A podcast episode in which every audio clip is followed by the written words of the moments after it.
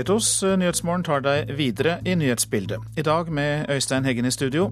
Vi skal høre mer om økt arbeidsinnvandring og mindre godstrafikk på jernbane, samt Midtøsten-forhandlinger og smart-TV, som er hackernes neste mål.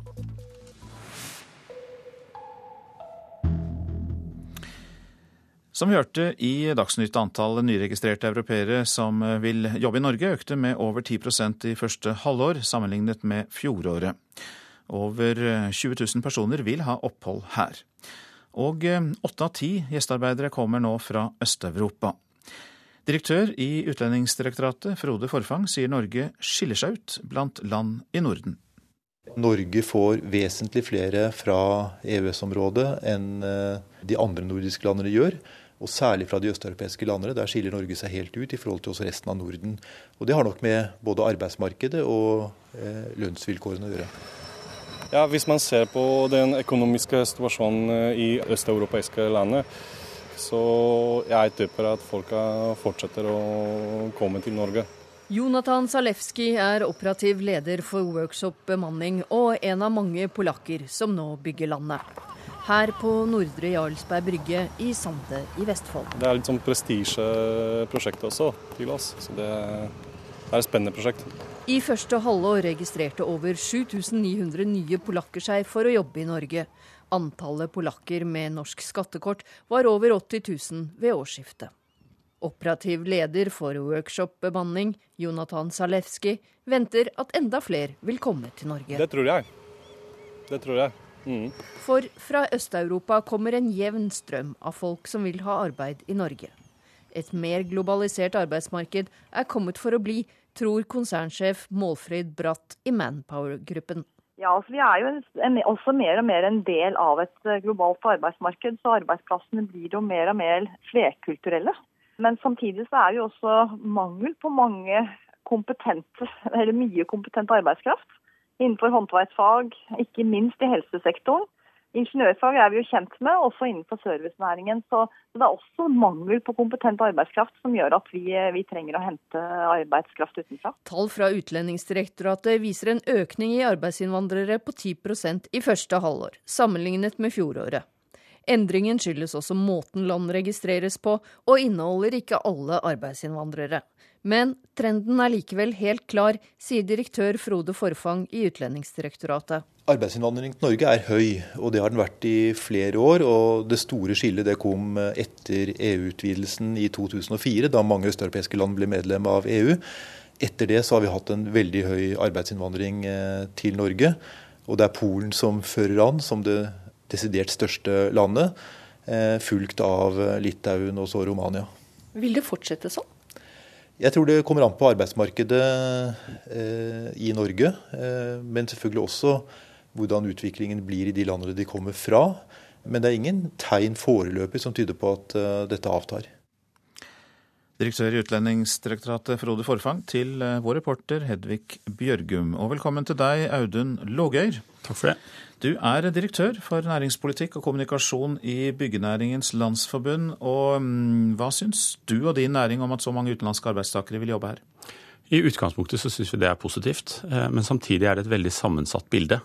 Eh, vi er i en situasjon med en historisk høy befolkningsvekst, eh, og i den forbindelse så er det mange oppgaver som skal løses. Det skal bygge mer boliger, det skal bygges veier, jernbane, og mange av de som kommer her tilfører jo verdifull kompetanse og kapasitet. Men samtidig så ser vi også det at den arbeidsinnvandringa har en annen eh, side. Og det vi ser er at mange av håndverkerbransjene i dag er direkte trua eh, av den arbeidsinnvandringa som kommer hit. Og det er jo fordi at eh, politikerne har bestemt at det er egentlig bare å ta med seg en hammer på veien og så begynne med f.eks. oppussingsarbeider i folks private hjem. Det stilles ikke noe kompetansekrav i dag til de som eh, kommer hit, eh, og det mener vi er i ferd med å bære alvorlig galt hen. Men samtidig så sa du da du startet eh, å omtale dette, at de også bringer med seg kompetanse, de som kommer utenfra? Ja, helt åpenbart. Og denne Jonathan som vi hørte om i reportasjen, er helt sikkert en av de polakkene som har kommet hit fått jobb i norske f.eks. entreprenørselskap, eh, lært seg norsk etter hvert, eh, og er et veldig verdifullt bidrag på, på kunnskap, men også på, på kapasitet i, til næringa. Men så skal jeg gripe fatt i det du var opptatt av, nemlig at det også går utover bransjen i Norge, eller deler av bransjen. og Hvilken del av bransjen er det som lider mest under at det kommer så mange utenfra? Ja, Det vi ser er at det er håndverkerfaga som lider mest. Mm. Etter 2004 så var jo den første bransjen som på en måte meldte om problemene, var malerbransjen. Men i dag så ser vi det på, på, hos tømrere og hos flere andre, andre ventilasjon- og blikkenslagere den samme tilbakemeldinga. De som kommer hit, har ikke kompetanse, eh, og de eh, jobber helt utenfor regelverket, eh, helsvart. Og dette er en, en, alvorlig bekymring. Vi jobber med at det skal være fagkompetanse i bedriftene, men vi klarer ikke å gjøre den jobben alene uten at myndighetene er med og stiller krav om fagkompetanse til de som skal jobbe i næringa. Og det er det er jo en sak som vi har jobba med nå eh, mot den rød-grønne regjeringa i åtte år. Eh, og opplever at de ikke vil lytte på det øret, og det er svært alvorlig. Ja, Men det er vel ikke så lett heller. Når det er så åpne grenser som det er, så hjelper det vel ikke om myndighetene sitter og skriver ned en masse kompetansekrav når folk likevel flømmer over grensen? Nei, men jeg tror det, det viktige og enkle myndighetene kan gjøre, er å stille krav om fagbrev for de som skal gjøre jobben mm. i byggenæringa. Det er det helt enkle kravet, og som vil kunne ha virkning, og som veldig lett kan også kontrolleres. Eh, og, og, og, dette her er eh, også en situasjon der vi også ser at vi blir advart fra eh, våre kollegaer i andre land om ikke å gjøre de samme feilene som de gjorde. Og, og I f.eks. Tyskland så ser vi jo at håndverkerutdanninga har mer eller mindre brutt sammen fordi rekrutteringa av tysk ungdom svikter.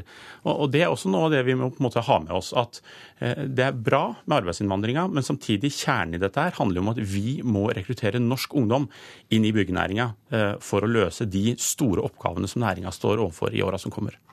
En utfordring fra deg til politikere og oss andre, Audun Låger. Takk for at du kom i studio. Du er da direktør for næringspolitikk og kommunikasjon i Byggenæringens Landsforbund. Og som vi også hørte i Dagsnytt, så går godstrafikken med tog ned år for år. og Det skyldes bl.a. at standarden på jernbanen er blitt dårligere, mens veiene er blitt bedre. Deler av den eh, infrastrukturen vi har med enkeltspor, er blant de som er mest eh, trafikkerte enkeltsporede strekninger i, i, Europa, i hvert fall. Kjell Stuland Johansen sitter i forbundsstyret i Norsk Lokomotivmannsforbund. Han gir en lite pålitelig jernbane mye av skylda for at det går dårlig med godstrafikken på jernbanen. Siden mai i år har Dovrebanen vært stengt hele 33 døgn. Det gjør at eh, det er vanskeligere å få en del store kunder kanskje over på jernbane, som er litt redd for at eh, stabiliteten i transportene. Veitransporten har fått eh, stadig bedre rammevilkår i forhold til bedre veier, og ikke minst billig arbeidskraft. Pressekontakt i CargoNet Bjarne Ivar Wist er bekymra over situasjonen slik den er i dag. Han mener det er umulig for dem å konkurrere med veitransporten hvis det ikke blir fortgang på de jernbaneprosjektene som allerede er planlagt. Hovedutfordringen er at infrastrukturen eh, ikke er eh, god nok til å takle de kravene som vi blir stilt overfor for våre kunder hva gjelder punktlighet og forutsigbarhet. Det er det, det viktigste, og det er det som man må eh, jobbe med også fra politisk hold for å få bevilgninger og få gjennomført de prosjektene som er på, på blokka. Pressekontakt i CargoNet, Bjarne Ivar Wist der, og reporter var Martin Hammervik. På telefonen har vi med oss Inger Beate Håvi, du er forskningsleder ved Transportøkonomisk institutt. Og vi hørte jo her om lite pålitelig jernbane og bedre vilkår for veitransporten. Men kan du si litt mer om årsakene til at det har utviklet seg, utviklet seg slik? Ja, det skyldes eh, bl.a., eh, som det ble sagt, eh, at punktligheten for godstransporten har vært Eh, dårligere i senere år, bl.a. Eh, pga. brudd i jernbanenettet som følge av at det har vært mer ekstremvær. Eh, jernbanen er veldig sårbar fordi at det er lange strekninger med, med enkeltspor. I tillegg så opplever jernbanen økt konkurranse fra utenlandske transportører som kan tilby billigere transport enn en, eh, nasjonale transportører og en jernbane. Det gjelder først og fremst på internasjonale eh, transporter. I tillegg så er det enda en faktor, og det er sentralisering av Angro-handelsvirksomhet med mer leveranser til hele landet fra Oslo-regionen, men også lokalisert i utlandet, bl.a. i Syd-Sverige. Eh, og den lokasjonen i utlandet gjør at eh, man har eh, tilgang til, til, de billige lastebiltransportene med, med transportører fra, fra lavkostnadslandene.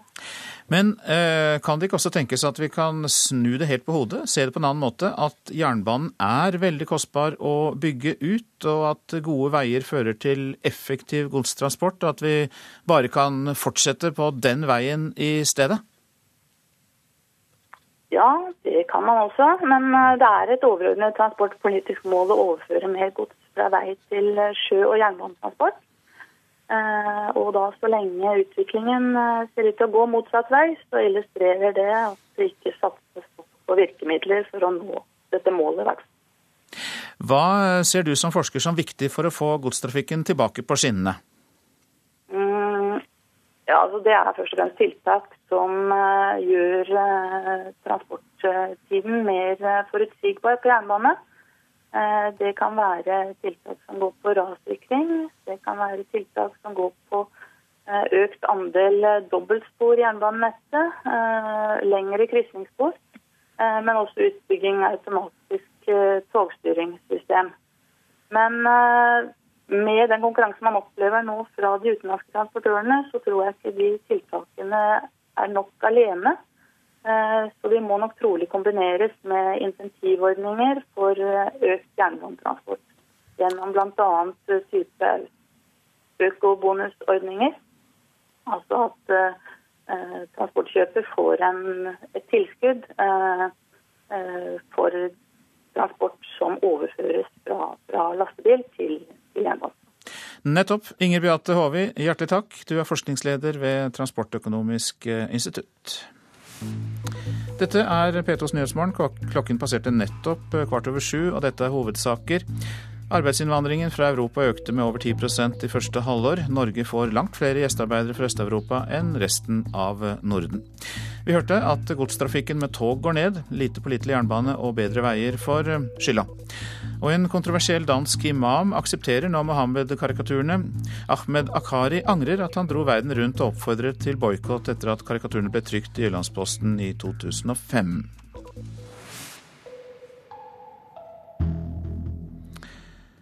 For første gang på tre år har israelere og palestinere satt seg ned ved samme bord. Det skjedde i Washington i går.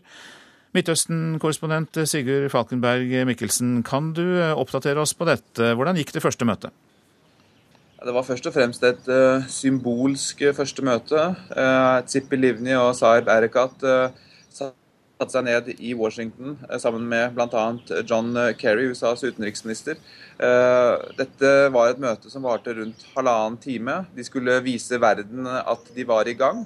Eh, og så delte de et måltid, eh, iftar, som er det måltidet muslimene inntar når de bryter fasten. Vi er jo inne i ramadan, fastemåneden her i den muslimske verden for tiden. Så er det ventet at møtet vil fortsette i dag. Eh, og når dette møtet er over, så regner man med at eh, John Kerry vil lese opp en erklæring hvor han sier at forhandlingene gjenopptas eh, formelt, da med en tidsramme på ni måneder. Og så skal de ledes av Martin Indyk, som er tidligere amerikansk ambassadør til Israel, og også har stått sentralt i tidligere og mislykkede forhandlinger. Han kjenner dette godt fra innsiden, på godt og vondt. Han eh, var bl.a. en av Clintons rådgivere under de mislykkede Camp David-forhandlingene. Og så var palestinernes president Mahmoud Abbas eh, samtidig i Kairo. og um, Hvordan skal vi se dette møtet i sammenheng med det som skjedde i Washington?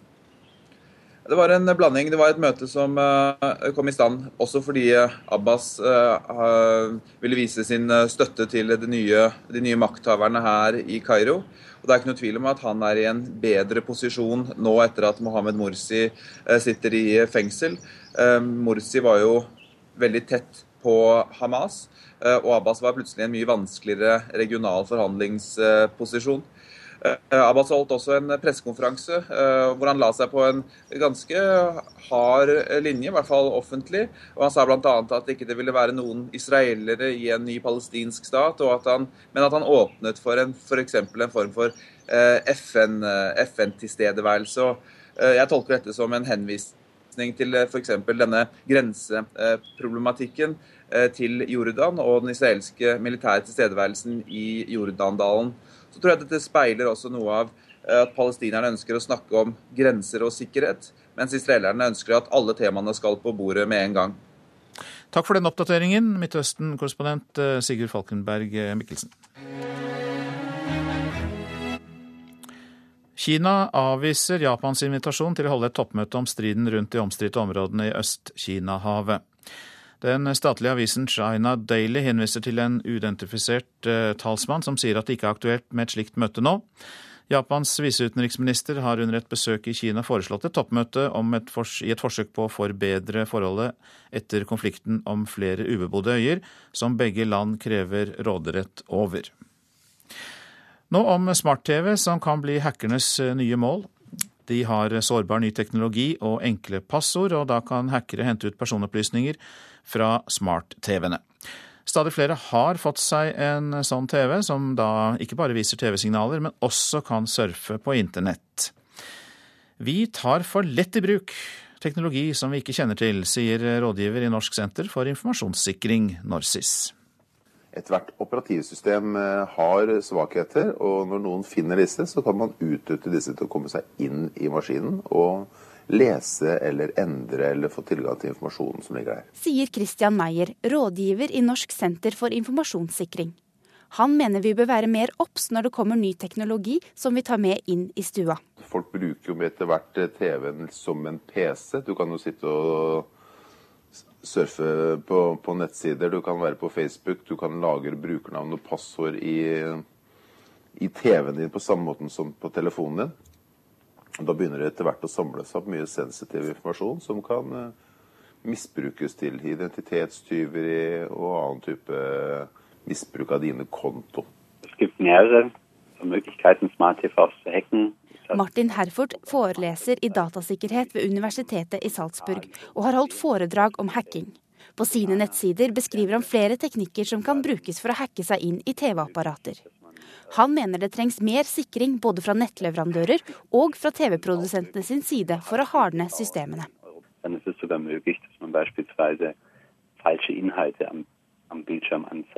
Dersom man benytter seg av de mange mulighetene som TV-en gir, lagrer vi mer informasjon i TV-en enn vi kanskje tror. Tradisjonelt så tar vi i bruk ny teknologi før vi tenker over konsekvensene av hvordan denne bruken faktisk eh, kan, kan, påvirke oss. Vi er eh, veldig teknologihungrige, og da fyrer vi i gang og bruker ting kanskje litt for ukritisk, helt til vi ser de første store eksemplene på hvor feil det kan gå. For å sikre oss mot angrep er det viktig å oppdatere programvaren ofte og velge vanskeligere passord enn det standardpassordet som ofte følger med. Men det Christian Meyer kanskje syns er mest skummelt, er Det litt mer scary er å tenke seg at de kan få tilgang til kamera og lyden på TV-en din og sitte og overvåke det som foregår i stua di.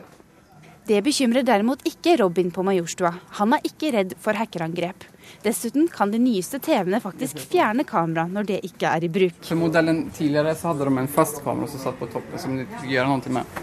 Så de blir jo så paranoide folk. For disse TV-ene er jo veldig smarte. Mye smartere enn visse mennesker til og med. Ja, det sa Robin til reporter Ina Charlotte Fjellhøy. Så til det avisene skriver i dag. Rekordmange kjører i fylla, får vi vite i Stavanger Aftenblad. Det er aldri blitt anmeldt flere promillekjørere enn det ble i fjor. Ny og effektiv supermåling av bilistene er tema i Dagbladet. Fotobokser som måler din gjennomsnittsfart, fører til rekord i antall bøter for råkjøring.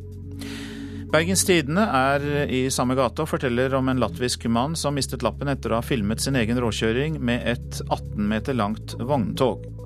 Nå skal forskere finne ut om utenlandske sjåfører gjør norske veier mindre trygge.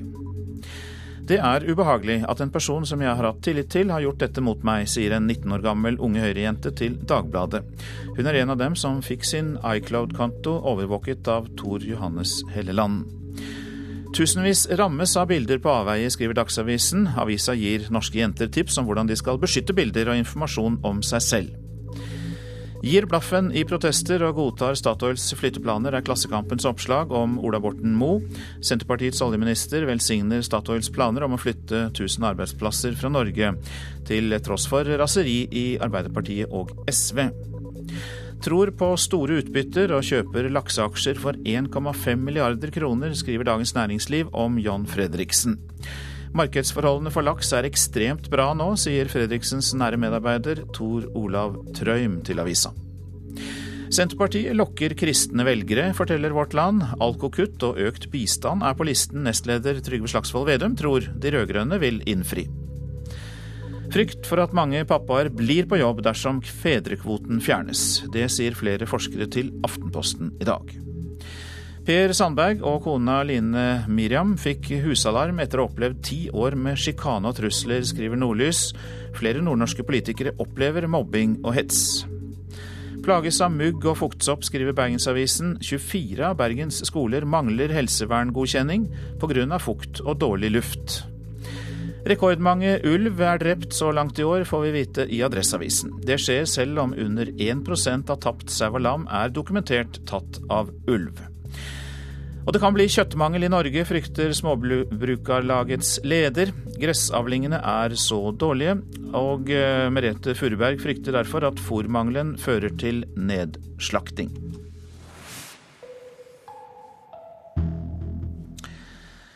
Det er midt på sommeren, men ishockey i USA er likevel tema nå. For i morgen går fristen ut for Mats Zuccarellos kontraktsforhandlinger med NHL-klubben New York Rangers. Dersom partene ikke kommer til enighet innen onsdag, må et uavhengig panel fastsette Zuccarellos lønn. Så må jeg prøve å hvert fall få nærme det jeg føler jeg fortjener. Um, og de som jobber for meg, føler jeg fortjener. Så. Hva Mats Zuccarello føler han fortjener, har ikke hittil stemt overens med hva New York Rangers føler han fortjener. Etter lengre tids kontraktsforhandlinger er partene nå bare én dag unna lønnsmekling, der en nøytral tredjepart vil bestemme hvor mye 25-åringen skal ha i lønn. Zuccarello selv mener ikke kravene hans er rimelige. Det er vanskelig å sitte og om man har for høyt lønnskrav eller ikke. Det er ikke så høyt, så Avisen New York Post skriver at nordmannen krever om lag 12 millioner kroner, inkludert bonuser. Over det dobbelte av hva han tjener i dag. Det er basert på den sportslige suksessen Zuccarello har hatt i sitt andre opphold i New York-klubben. Det var ganske positivt uh, utfall av tilbakekomsten, holdt jeg på å si. Så jeg føler at etter spillet jeg hadde i fjor, at jeg fortjener en bra sjanse hvert fall, til å starte og sånne ting. Så får vi se. Mats Zuccarello der, til reporter Olav Havdal eh, Tangenes. Så skal vi eh, videre til smaken av sommer, for mange mener jo at det er bl.a. softis, men det kan være en bismak som gjør deg fryktelig dårlig. Mattilsynet har nemlig kontrollert flere utsalgssteder, og bare i Rogaland fant Mattilsynet spor av tarmbakterier hos 22 av 45 utsalgssteder. Softis hvit og fast. Kontrasten er stor til noe løst og brunt. Men sammenhengen mellom softisen du kjøpte i gågata for et par timer siden, og det plutselige toalettbesøket på Statoil-stasjonen du er på akkurat nå, den er større enn du tror. Softis er jo eh, et høyrisikoprodukt, kan man si. Det sier seniorinspektør i Mattilsynet Midt-Rogaland, Inga Torp Nilsen. Det ligger i softisens natur. Det er et melkeprodukt. Eh, lett bedervelig. Det kan eh, lett bli forurensa med, med tarmbakterier hvis man har eh, dårlig håndhygiene. Og denne sommeren har softisen virkelig fått gjennomgå. Mattilsynet gjennomførte uanmeldte inspeksjoner hos 45 utsalgssteder av softis. Nesten halvparten, hele 22 av utsalgsstedene, fikk pålegg av Mattilsynet etter at det ble påvist tarmbakterier i softisen. Det er, eh, det er forholdsvis mye, ja, må si det. Det var nedslående. Hos ni av de stedene så var prøvene såpass dårlige at eh, de eh, utsalgene ble stengt. Og de måtte gjøre et større arbeid for å få lov å starte opp igjen med utsalg av, eh, av softis. Kan jeg spørre deg rett ut, er det sånn at det er dritt i softisen? Det er, ja, det er jo det som er, vet du. Det er jo dårlig håndhygiene. Det er jo det. Rett og slett dårlig håndhygiene. Ja, der står det timmerregn med ørene. Ingunn Fosse viser fram softismaskinen til bakeriet i Langgata i Sandnes. Mattilsynet var her også, men fant ingen tarmbakterier i softisen.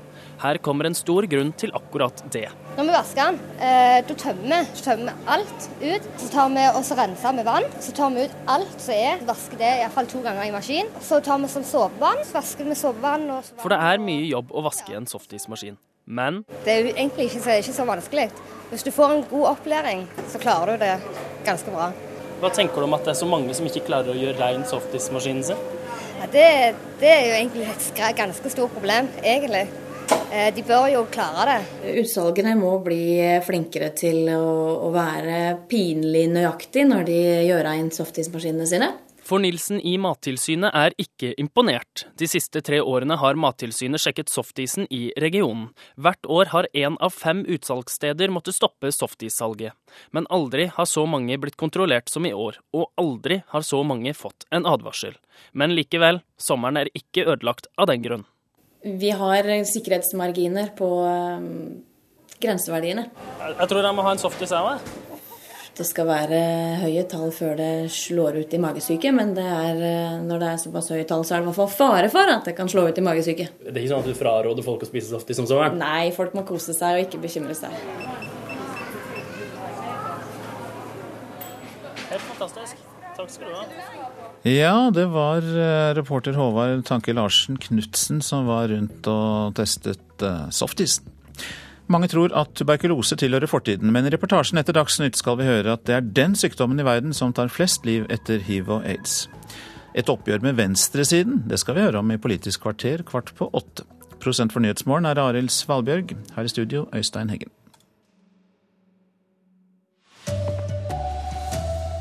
Flere savnet etter kraftig eksplosjon ved gassanlegg i Florida i USA. Arbeidsinnvandringen fra Europa økte med over 10% i første halvår. Norge får flest østeuropeere. Og godstrafikken på jernbane går ned. Dårlig jernbane og store veiprosjekter får skylden. Her er NRK Dagsnytt, klokken er 7.30. Flere personer er skadet etter flere eksplosjoner ved et gassanlegg i Florida i USA. Og reporter Vegard Kjørholm, hva mer kan du fortelle om dette? Eh, Lokale styresmakter de sier nå til lokalavisene at flere skal være drepne etter denne eh, eksplosjonen som skjedde for kort tid siden. Eh, mange personer er skadde, og minst 15 arbeidere ved gassanlegget er ikke gjort greie for. Eh, og Det blir nå jobba iherdig med å få oversikt over skadeomfanget. Eh, beboerne i området rundt gassanlegget de blir nå evakuerte, og det er satt i stand redningsarbeid for å avgrense omfanget av eksplosjonene. Og, og det setter i gang redningsarbeid for å finne de savna og, og hjelpe de skadde. Hvor kraftig har denne eksplosjonen vært? Jeg tenker på skadeomfanget. Eh, Det det kommer melding om nå, er at eh, tak har blitt blåst av husene i området rundt. Og vi kan se livebilder på nettet der flammer fra gassanlegget stiger 8-10 meter opp i været. Eh, Så det kan se ut til at det er en ganske alvorlig ulykke som har skjedd ved dette gassanlegget i Florida. Takk skal du ha, reporter Vegard Kjørom. Antall nyregistrerte europeere som vil jobbe i Norge, økte med over 10% i første halvår sammenlignet med fjoråret. Over 20 000 personer vil ha opphold her. Åtte av ti gjestearbeidere kommer nå fra Øst-Europa. Direktør Frode Forfang i Utlendingsdirektoratet sier Norge skiller seg ut blant land i Norden. Norge får vesentlig flere fra EØS-området enn eh, de andre nordiske landene gjør. Og særlig fra de østeuropeiske landene. Der skiller Norge seg helt ut i forhold til også resten av Norden. Og det har nok med både arbeidsmarkedet og eh, lønnsvilkårene å gjøre. Ja, Hvis man ser på den økonomiske situasjonen eh, i østeuropeiske landet, så jeg tipper at folk fortsetter å komme til Norge. Jonathan Zalewski er operativ leder for Workshop bemanning og en av mange polakker som nå bygger landet. Her på Nordre Jarlsberg brygge i Sande i Vestfold. I første halvår registrerte over 7900 nye polakker seg for å jobbe i Norge. Antallet polakker med norsk skattekort var over 80 000 ved årsskiftet. Jonathan Zalewski venter at enda flere vil komme. Det tror jeg. Det tror jeg. Mm. Nærmere 80 av eh, alle arbeidsinnvandrere fra EØS-området kommer fra de tidligere østeuropeiske landene som kom inn i EU i 2004. Tall fra Utlendingsdirektoratet viser en økning i arbeidsinnvandrere på 10% i første halvår, sammenlignet med fjoråret. Endringen skyldes også måten land registreres på, og inneholder ikke alle arbeidsinnvandrere. Men trenden er likevel helt klar, sier direktør Frode Forfang i Utlendingsdirektoratet. Arbeidsinnvandringen til Norge er høy, og det har den vært i flere år. Og det er ingen tegn foreløpig som tyder på at uh, dette avtar. Reporter var Hedvig Bjørgum, og direktør for næringspolitikk og kommunikasjon i Byggenæringens Landsforbund, Audun Lågøyr, sier det er viktig med arbeidsinnvandring for å få utført alle byggeprosjektene. Men han er kritisk til at politikerne ikke stiller nok krav. Det vi ser, er at mange av håndverkerbransjene i dag er direkte trua eh, av den arbeidsinnvandringa som kommer hit. Og Det er jo fordi at eh, politikerne har bestemt at det er egentlig bare å ta med seg en hammer på veien, og så eh, begynne med f.eks. oppussingsarbeider i folks private hjem. Det stilles ikke noe kompetansekrav i dag til de som kommer hit, og det mener vi er i ferd med å bære alvorlig galt hen. I Sveits er 35 personer sendt til sykehus etter togulykken i går kveld.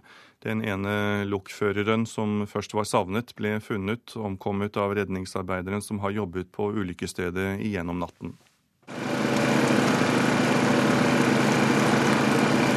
Svære løftekraner måtte i sving for å få vekk et ødelagt togsett fra linja mellom Lausanne og Grangemanna i Sveits. Togstrekninga har vært ofte kalt Europas tryggeste strekning, men det opplevdes nok ikke helt slik for de 46 som var om bord på toget som i går kveld kolliderte inn i hverandre. Denne gangen ble én person, føreren av toget, drept. Fem er alvorlig skadde, og 30 er kjørt til sykehus etter ulykka som skjedde mindre enn et døgn etter at 38 ble drepne i en bussulykke i Italia. Og seks dager etter den fatale togulykka i Santiago de Compostela i Spania. Ei talskvinne for Sveits nasjonale jernbane sier det egentlig var meninga at togene skulle passere hverandre, og at årsaka til ulykka er uklar. Enten var et av togene for seint ute, eller så kjørte et av togene for tidlig ut fra stasjonen. Det sa reporter Vegard Kjørholm. Og De siste fem årene har godstrafikken på jernbane falt med 10% her til lands. Dårlig jernbane og store veiprosjekter får en stor del av skylden. Kjell Stuland Johansen i Norsk Lokomotivmannsforbund mener det må jobbes aktivt for å snu den negative utviklingen. Deler av den eh, infrastrukturen vi har med enkeltspor, er blant de som er mest eh, trafikkerte enkeltsporede strekninger i, i, Europa, i hvert fall. Det å få opp en mer stabil sikkerhet i, i framføringstider, så mener jeg at vi, vi, bør kunne snu dette. Men det må jobbes aktivt, fra, både fra selskapene og fra politikere, i forhold til å få kunder over fra vei til eh, bane. Ti norske barn er sendt til sykehus i Tyrkia med diaré og oppkast. Til sammen er 34 barn blitt syke ved feriestedet Pasha Bay i Alanya, men ti barn er sendt hjem fra sykehuset. Årsaken til at barna er blitt syke er ikke kjent, men det skal ikke være salmonella, og det er tatt prøver på hotellet for å finne årsaken. Det sier kommunikasjonsrådgiver i Startur, Elisabeth Larsen Vonstedt. Nei, Ifølge sykehuset så vil det ta alt fra to til fem dager før vi får uh, sikre svar på hva det er som kan være årsaken. Det har også gjort uh, intervjuer med samtlige familier som er rammet, for å prøve å finne en fellesnevner. Men foreløpig så ser det ikke ut til at man har, uh, har funnet noe som kan være fellesnevneren for dette her. Så nå må vi bare vente på svaret på disse prøvene som er tatt. Nå skal vi høre at bobilsalget har skutt i været, for nå fristes eh, stadig flere av oss av ferie med frihetsfølelsen på fire hjul. På turistkontor hele landet jobbes det på spreng for å møte den store interessen. Karene de skal finne seg en plass å kjøpe seg softis. Ja. Dagens planlegging går livlig for seg rundt frokostbordet utenfor bobilen. En ferieform stadig flere nordmenn velger. Kåre Uglehus er ikke i tvil om hva det er som frister han. Friheten. Rett og slett friheten. Vi kan reise hvor vi vil, og når vi vil, og iallfall når vi har fri. Ved årsskiftet var det registrert over 33 000 bobiler her i landet, ifølge Opplysningsrådet for veitrafikken. Bare i juni i år er det registrert nesten 500 nye bobiler, 16% mer enn i fjor.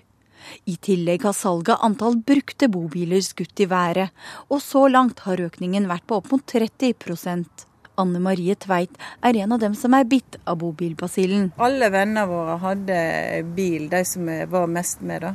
Og var veldig få som hadde båt. Så Derfor så fant vi ut med prøvebil. Jeg var veldig skeptisk, for jeg er ikke noe glad i å kjøre. Men etter vi fikk bil, å du får ikke ta den ifra meg igjen. Nei, det er, det er veldig frihet og utrolig mye vi får se av landet vårt når vi har bil. Turistkontor over hele landet merker pågangen av bobiler, og leder av Opplev Fredrikstad og Hvaler, Maja Nilsen, sier kravene til fasiliteter øker. Jeg er kanskje mer kresen nå enn det markedet var, da, i forhold til dusjer og sånne type fasiliteter. Og jeg er veldig interessert i hva som skjer. Reporter var Anette Torjussen. Sport nå. Vålerenga tok rollen som festarrangør på alvor da klubben i går feiret 100-årsjubileum på Ullevål med en åttemålstrille mot Sarpsborg 08. Etter 5-3-seieren tror Vålerenga-kaptein Daniel Fredheim Holm at laget igjen kan kjempe i toppen. Det har vært bra etter, ferien. Etter ferien og fortsetter den stimen der, så, så, kan vi fortsette å klatre. På dagen 100 år etter at Vålerengen idrettsforening ble stiftet, gikk Enger som seg hør bør ut i 100 mot Sarpsborg 08 og vant til slutt 5-3. Jubilanten har nå fem kamper på rad uten tap, men Vålerenga-trener Kjetil Rekdal er ennå ikke helt fornøyd. Det er en del enda her som må forbedres før vi eh, blir bare stabilt gode. Vi slipper inn for mye mål, ikke bare i dag. I dag er ikke så farlig hvor du skårer fem, men vi har andre kamper der vi slipper til for lette mål. Men selv om Forsvaret slapp inn tre mål i går, vil ikke Rekdal være for krass i kritikken på en 100-årsdag. Vi ønsker å få mest mulig folk hit og lage en, en hjemmearena som uh, er morsom å komme seg kamper på. Reporter var Olav Havdal Tangnes. Og hovedsaken i Dagsnytt i dag det har vært den store gasseksplosjonen i delstaten Florida, der flere er omkommet og savnet. Ansvarlig for sendingen Erik Ramberg, teknisk ansvarlig Frode Thorshaug, og i studio Tor Albert Frøsland.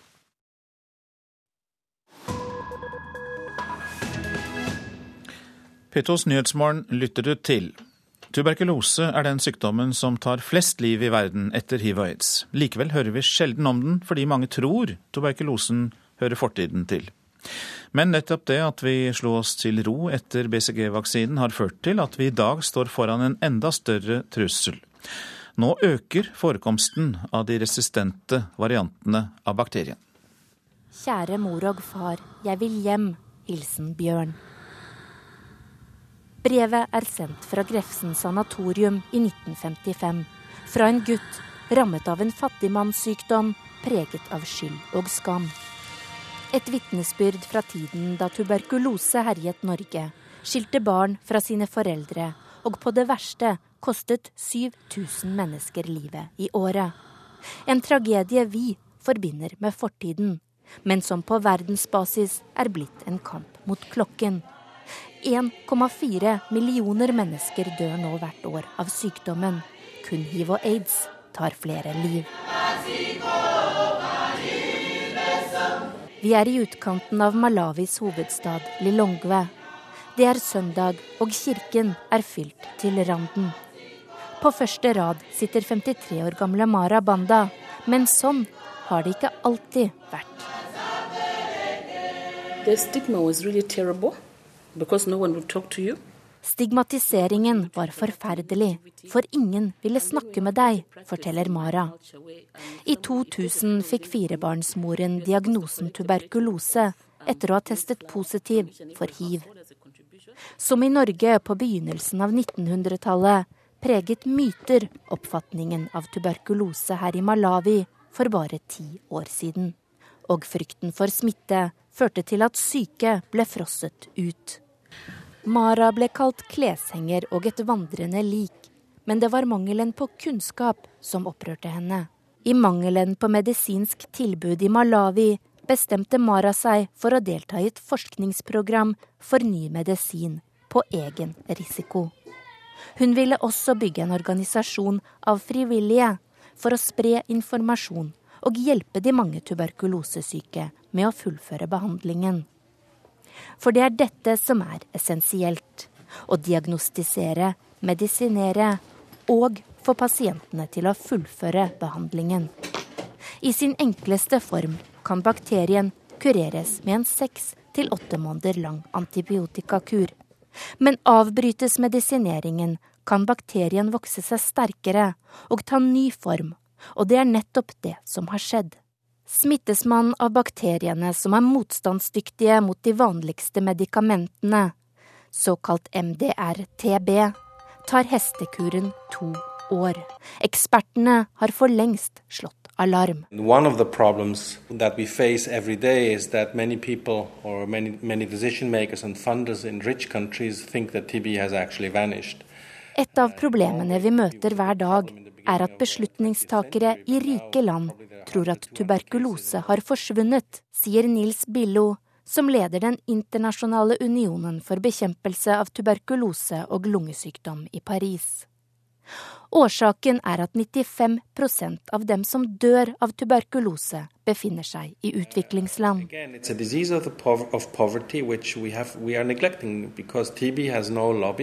Det er de fattiges sykdom, og vi overser den fordi tuberkulose ikke har noen lobby, i motsetning til hiv-lobbyen, forklarer Billo. Charlotte Berrefjord Bergløff hadde laget denne reportasjen.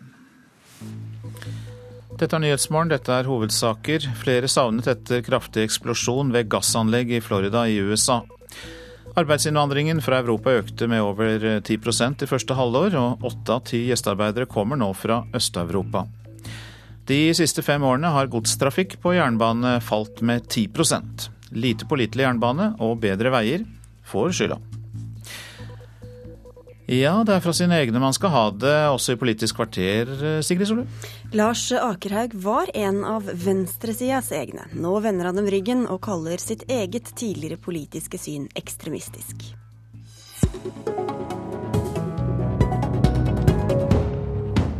Og det gjør du i en kronikk på det konservative nettstedet Minerva, Lars Akerhaug. Fra slutten av 90-tallet og fram til for noen år siden var du aktiv i flere partier og organisasjoner på venstresida. Bl.a. var du internasjonalt ansvarlig i eh, det som da het Rød valgallianse. Og nå tar du et oppgjør med det tankegodset du selv hadde. Hvorfor gjør du det?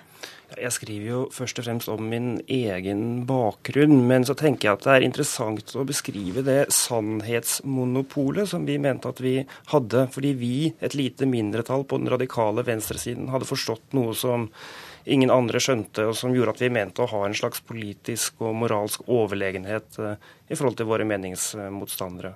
Hvilke saker var det typisk for, da? Nei, For min del så var det typisk for hvordan jeg tenkte f.eks. på Israel- og Palestina-konflikten, hvor vi hele tiden så den konflikten i et perspektiv der palestinerne var, den, var, de svake og israelerne var de sterke. Men når man begynner å skrape litt under overflaten, så ser man jo at dette her er en konflikt der begge sider har eh, legitime og gode argumenter. Hva skjedde med deg da, som du ikke lenger tilhører den radikale venstre side? Jeg har jobbet som journalist uh, i uh, noen år, og på en måte så har det tvunget seg frem en, en reorientering eh, politisk. Eh, jeg tror at mye av det som har eh, ført meg dit jeg er i dag, er at jeg har blitt møtt med mange av de samme holdningene som jeg kjente fra venstresiden i mitt virke som journalist. Og sett at de holdningene vi sto for, som jeg i dag oppfatter som ekstreme, likevel har hatt et større nedslagsfelt. Og det har fått meg til å stoppe opp og tenke meg litt om, og kanskje ført meg dit jeg er i dag. Hvor, hva tenker du på da? Nei, Jeg tenker eh, f.eks. på, ja, på utenrikspolitikken. og hvordan, eh, hvordan man eh, hvordan dette virkelighetsoppfatningen av at USA alltid er den store, stygge ulven, preger store deler av norsk presse, norsk media. Sammen med synet på asylpolitikk, integrering. Dette er verdier som, hvor venstresiden har et, har et sterkt hegemoni, og det har ført meg til å tenke meg om en gang til.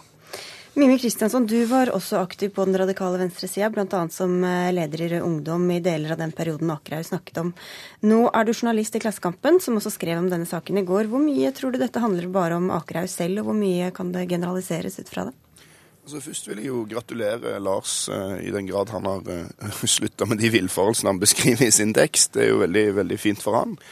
Når det er sagt, så tror jeg det er veldig lite representativt uh, for den radikale venstresida. Det dreier seg om noen svært få personer som kontinuerlig bryter med eller går imot de tingene som er flertallsmeningene på de radikale, den radikale venstresida, og som uh, har en helt annen og ekstrem virkelighetsoppfatning. Og Jeg oppfatter ikke at venstresida ser på seg sjøl som representanter for det gode, for den eneste store sannhet, som om venstresida ser på seg sjøl som uh, en bevegelse som har noe sannhetsmonopol. Og jeg mener at uh, her er det proof of the pudding is uh, the eating. Altså Hvis venstresida var sånn som Lars Akerøy beskriver, så ville det vært helt umulig for den radikale venstresida å gå sammen med mange andre, både på venstresida og på høyresida, i store demonstrasjoner, store, brede folkelige bevegelser. Tenk på EU-kampen. Tenk på Eh, demonstrasjonene mot krigen i Irak, som samla mange hundre tusen mennesker. Hvis det var sånn at den radikale venstre, som var viktig i alt dette her, bare var et tjuetalls ekstremister, som Lars Akerøy prøver å stemple det som, så ville dette ikke vært mulig. Eh, og det sier seg sjøl at det ikke er på den måten. Akerøy? Ja, Etter at den teksten jeg skrev ble publisert, så har jeg snakket med flere i Sosialistisk Ungdom, AUF, som kjenner seg igjen i noe av det jeg beskriver. Det er helt riktig som Mimir eh, sier, at eh, jeg var mer ekstrem enn det, det han var og er. Og han skal ha kreditt for at han og hans fløy tok et oppgjør med udemokratisk tankegods på, på venstresiden. Men likevel tror jeg det er noe i det jeg skriver om hvordan venstresiden har et sånt sannhetsmonopol som i hvert fall treffer eh, noen. Om det ikke treffer Mimir, så er det helt greit, og dette er min beskrivelse av uh, virkeligheten. Men hvordan mener du at, den, at, det kommer til syne, det sannhetsmonopolet, eller det synet på det moralsk høyverdige, eller det som Ymir Kristiansen er inne på? Man ser det jo godt når man ser på hvordan venstresiden argumenterer i politiske debatter. Uh, mot høyresiden, f.eks. hvordan man tilskriver høyresiden et ønske om å rasere eldreomsorgen. Det er hele tiden Eh, et argument, Det legges hele tiden til grunn at høyresiden har eh, onde politiske motiver, mens venstresiden har et slags eh, godhetsmonopol. Men, men Lars Akre, altså jeg kan ikke sitte i en debatt om alt fra sykkelveier til, til velferdsstaten uten å bli beskyldt for å støtte Pol Pot. Altså, det er jo ikke som om vi går rundt og, og på en måte blir sett på som de allment gode, og høyresida aldri noensinne beskylder venstresida for onde hensikter. Men gjør dere det selv, da? Ja, altså, jeg mener det er mindre grad sånn enn man tror. Og Lars Akerø han nevner jo to eksempler på saker der venstresida han mener venstresida har et voldsomt hegemoni. Han nevner asylpolitikken, og han nevner forholdet til USA. Altså, Norge har et utrolig tett forhold til USA. Det er vår viktigste alliert. og det er til tross for at venstreradikale har stått på hvert gatehjørne i Norge og demonstrert mot det i 50 år, har man ikke kommet noe særlig vei med det. Og det samme med asylpolitikken. Man opptrer som om venstresida har noe hegemoni i det. Tvert imot, hver gang asyldebatten er oppe, så viser det seg at store folkelige flertall, og store flertall på Stortinget, inkludert Arbeiderpartiet, backer den strenge asylpolitikken man har i Norge. i dag. Så dere har hatt mye mindre innflytelse enn det Akerhaug eh, mener? Venstresida har hatt innflytelse i Norge i mange saker, men det er ikke riktig at venstresida sitter med noe sånn godhetshegemoni og en enorm makt eh, til å forvalte det riktige sannheten det er en mye mer komplisert affære, og der brytes synet i offentligheten på en god måte. Og Så er det viktig å huske på én ting. Venstresida i Norge er det stedet i Norge der det foregår mest selvransakelse. Det er få ting som diskuteres på venstresida så mye som venstresida sjøl. Eh, og det er, jeg tror ikke, kan du si, det er der behovet er størst for å ha nok en sånn eh, runde med det. Det tror jeg tvert imot f.eks. at eh, høyresida kunne hatt godt av en gang iblant. Anne Naper, du er stortingskandidat for SV og tilhører en litt annen del av venstresida enn det disse to har gjort. Hvor godt mm. kjenner du deg igjen i denne beskrivelsen? Nei, altså nå er jo SV et parti med langt mer vitenskapelig forankra eh, verdensoppfatning enn hva både Rødt og AKP var. Eh, og kanskje også, Eller RV og AKP var, og kanskje også dels eh, Rødt den dag i dag. Jeg kjenner meg ikke veldig godt igjen i virkelighetsbeskrivelsen. Jeg kjenner igjen konfliktlinjene eller problemstillinga i, i Lars sin kronikk. Det er jo en kjent sak at man beskylder venstresida for å være dogmatiske.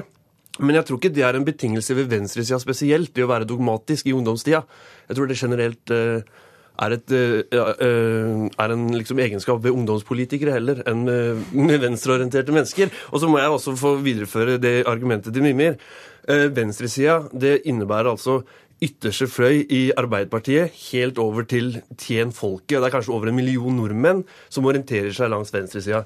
Å generalisere da ut ifra et lite arbeidsutvalg i AKP, det blir helt feil. Det blir i beste fall utenskapelig. Hvordan kan du vite at dette gjelder flere enn deg, når du, mange av de du jobbet sammen med den gangen, akkurat beskriver deg som så ekstrem? Men jeg skriver jo det selv også, at jeg var mer ekstrem enn mange andre. Det er jeg helt åpen og ærlig på. Og jeg sier heller ikke at uh, dette gjelder hele venstresiden. og Det er åpenbart ikke Jens Stoltenberg jeg skriver om. Jeg beskriver min egen virkelighet. og Hvis noen kjenner seg igjen i noe av det jeg skriver, så er det fint. Og hvis eh, andre ikke gjør det, så er det også helt OK.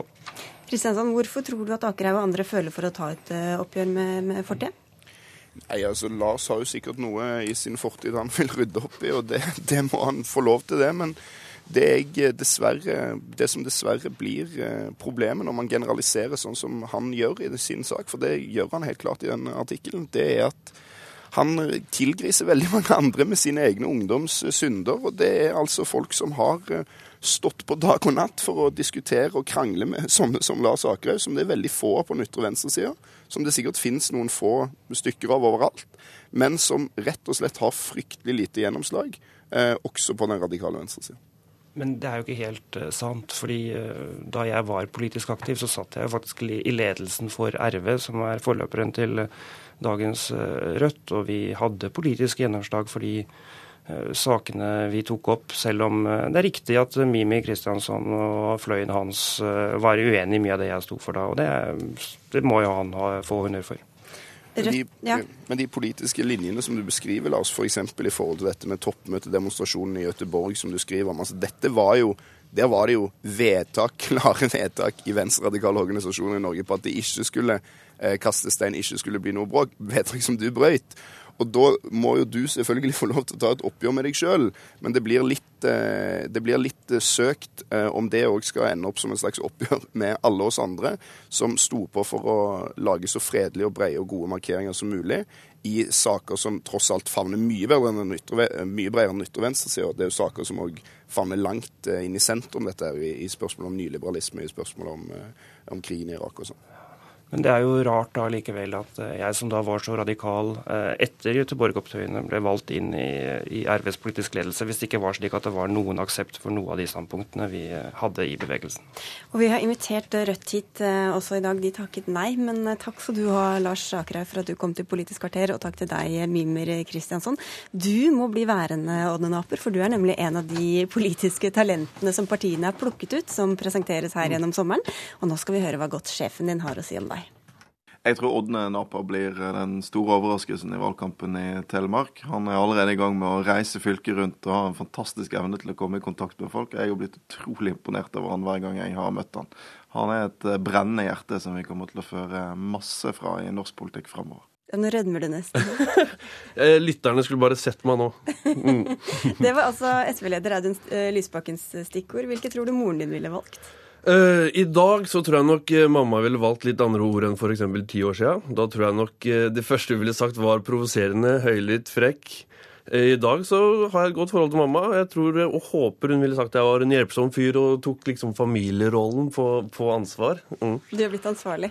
Ja. Men, men, hva tenkte du da du hørte at du var en av de som Lysbakken har mest tro på i partiet? Jeg tenkte yes! men du ble litt overraska? Ja, det kom veldig uventa på. Det var på en samling i, i, juni hvor jeg fikk et lite drypp om det. Og først og fremst så tenkte jeg bare at det var en kjempestor anerkjennelse. Fordi man legger jo ned veldig mye jobb som førstekandidat i hjemfylket sitt. Eh, man tar ikke for gitt at det blir lagt merke til noen steder, for det er egentlig bare en helt nødvendig forutsetning for å gjøre den jobben man har satt seg villig til å gjøre. Så det er en kjempestor anerkjenning da, fra sjefen. Men hvorfor tror du at du blir lagt merke til, da? Uh, nei, jeg, jeg, vet ikke. Altså, tar man ansvaret sitt på alvor og pusher på så mye som man må gjøre, så, så kommer man gjennom til slutt. da. Og hvis man roper høyt nok, så tvinges naboen til å åpne døra, om ikke annet for å kjefte på det. SV har altså tro på deg. Vi får jo anta at du også har tro på SV. Men mm. hvilken sak skulle du ønske at partiet ditt snakket mer om, eller var bedre på? Eh, stort sett så er jeg åpenbart veldig bekvem med SVs politiske plattform. Eh, og det viktigste for meg med SV i dag, det er at man har liksom hovedverdiene miljø og rettferdighet og kampen for disse verdiene, og lar disse gjennomsyre de politiske prioriteringene. Så er det klart at innafor dette så er det noen småting, eh, eller for meg viktige ting, som jeg gjerne skulle hatt en bredere debatt om. F.eks. Eh, Eh, kombinasjon av religiøse symboler i, og, og, og, offentlige uniformer, blant annet. Hmm. Mm. Men stort sett så er jeg veldig fornøyd med, med, det vi holder på med. Og jeg var veldig entusiastisk på landsmøtet, fordi jeg kunne gå hjem med et uh, arbeidsprogram hvor Telemark, mitt hjemfylke, var et satsingsområde erklært. Og der må du forholde deg til veldig mange saker, altså som mm. lokalpolitiker. Hvordan er det å skulle vise samme grad av entusiasme uansett uh, tema? Det er faktisk et mye mindre problem enn det jeg frykta i utgangspunktet. Fordi nå har det blitt sånn at jeg eh, tenker på sosial dumping når jeg legger meg. Og så tenker jeg på grunnbemanning i helsesektoren når jeg våkner opp. Så det er faktisk eh, det er lett å bli entusiastisk når man møter, eh, eller interessert da, og engasjert når man møter hverdagsproblemer hos folk. Absolutt. Men hvis du en dag skulle bli statsråd, hva ville vært drømmedepartementet?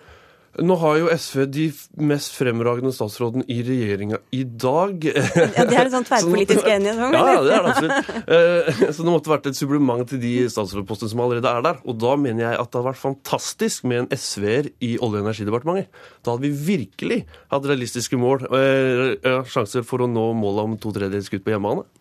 Du har ikke vært engasjert i politikken så lenge. Hva tror du er forskjellen på deg og politikere som begynte i Sosialistisk Ungdom og har holdt på siden? Nei, det må kanskje være at ikke vi skriver selvransakende kronikker på Minerva-nett innen ti år. Uh, nei, altså jeg har jo vært en SV-er av hjerte siden 1992, da jeg var åtte år og fulgte med på EU-kampen. Uh, men uh, forskjellen mellom meg og en SV-er er ikke nødvendigvis så stor, annet enn at perspektivene og erfaringene jeg trekker fra, kommer fra en annen bås. da, rett og. Men du nevnte til meg i går at det kanskje var litt lettere for deg å tøyse med ting enn det ja, ja, det har jeg merka. Det har jeg merka når, når, man er i SV-kretser. Så tar jeg kanskje en spøk som, som, i min sosiale omgangskrets er veldig sturein, men som bare får en kjeftende pekefinger. Det der sier du ikke på en SV-middag. Det, det, for det lærte de andre da de var 14? Liksom. Ja, det, jeg har en sein modningsprosess. Hvilket annet parti, hvis du måtte da, ville du stemt på hvis ikke du skulle stemme SV? Nei, da hadde jeg nok stemt på sofaen, tenker jeg. For da hadde det ikke vært noe parti som appellerte nok til meg. Men hvordan er det å skulle drive valgkamp med denne entusiasmen når dere kjemper mot sperregrensa, bl.a.? Ja, for å svare litt alvorlig på det, så er ikke det gøy å våkne opp til dårlige meningsmålinger. Men det er også motiverende eh, og inspirerende. Men det er mer gøy og motiverende å møte mennesker som sympatiserer med det du sier. Og som man kan liksom trekke fra, trekke, høre på erfaringene til, og, og, og basere politikken og, og, retorikken videre fra. Enn, enn, å bare forholde seg til meningsmålinger. Det er klart man Men, men det er litt viktig. Jeg få beskjed om å kutte her. Ja, nå, for nå er det ikke mer tid. Takk skal du ha, Anne Napper. Politisk kvarter er slutt. Jeg heter Sigrid Solund. Ja.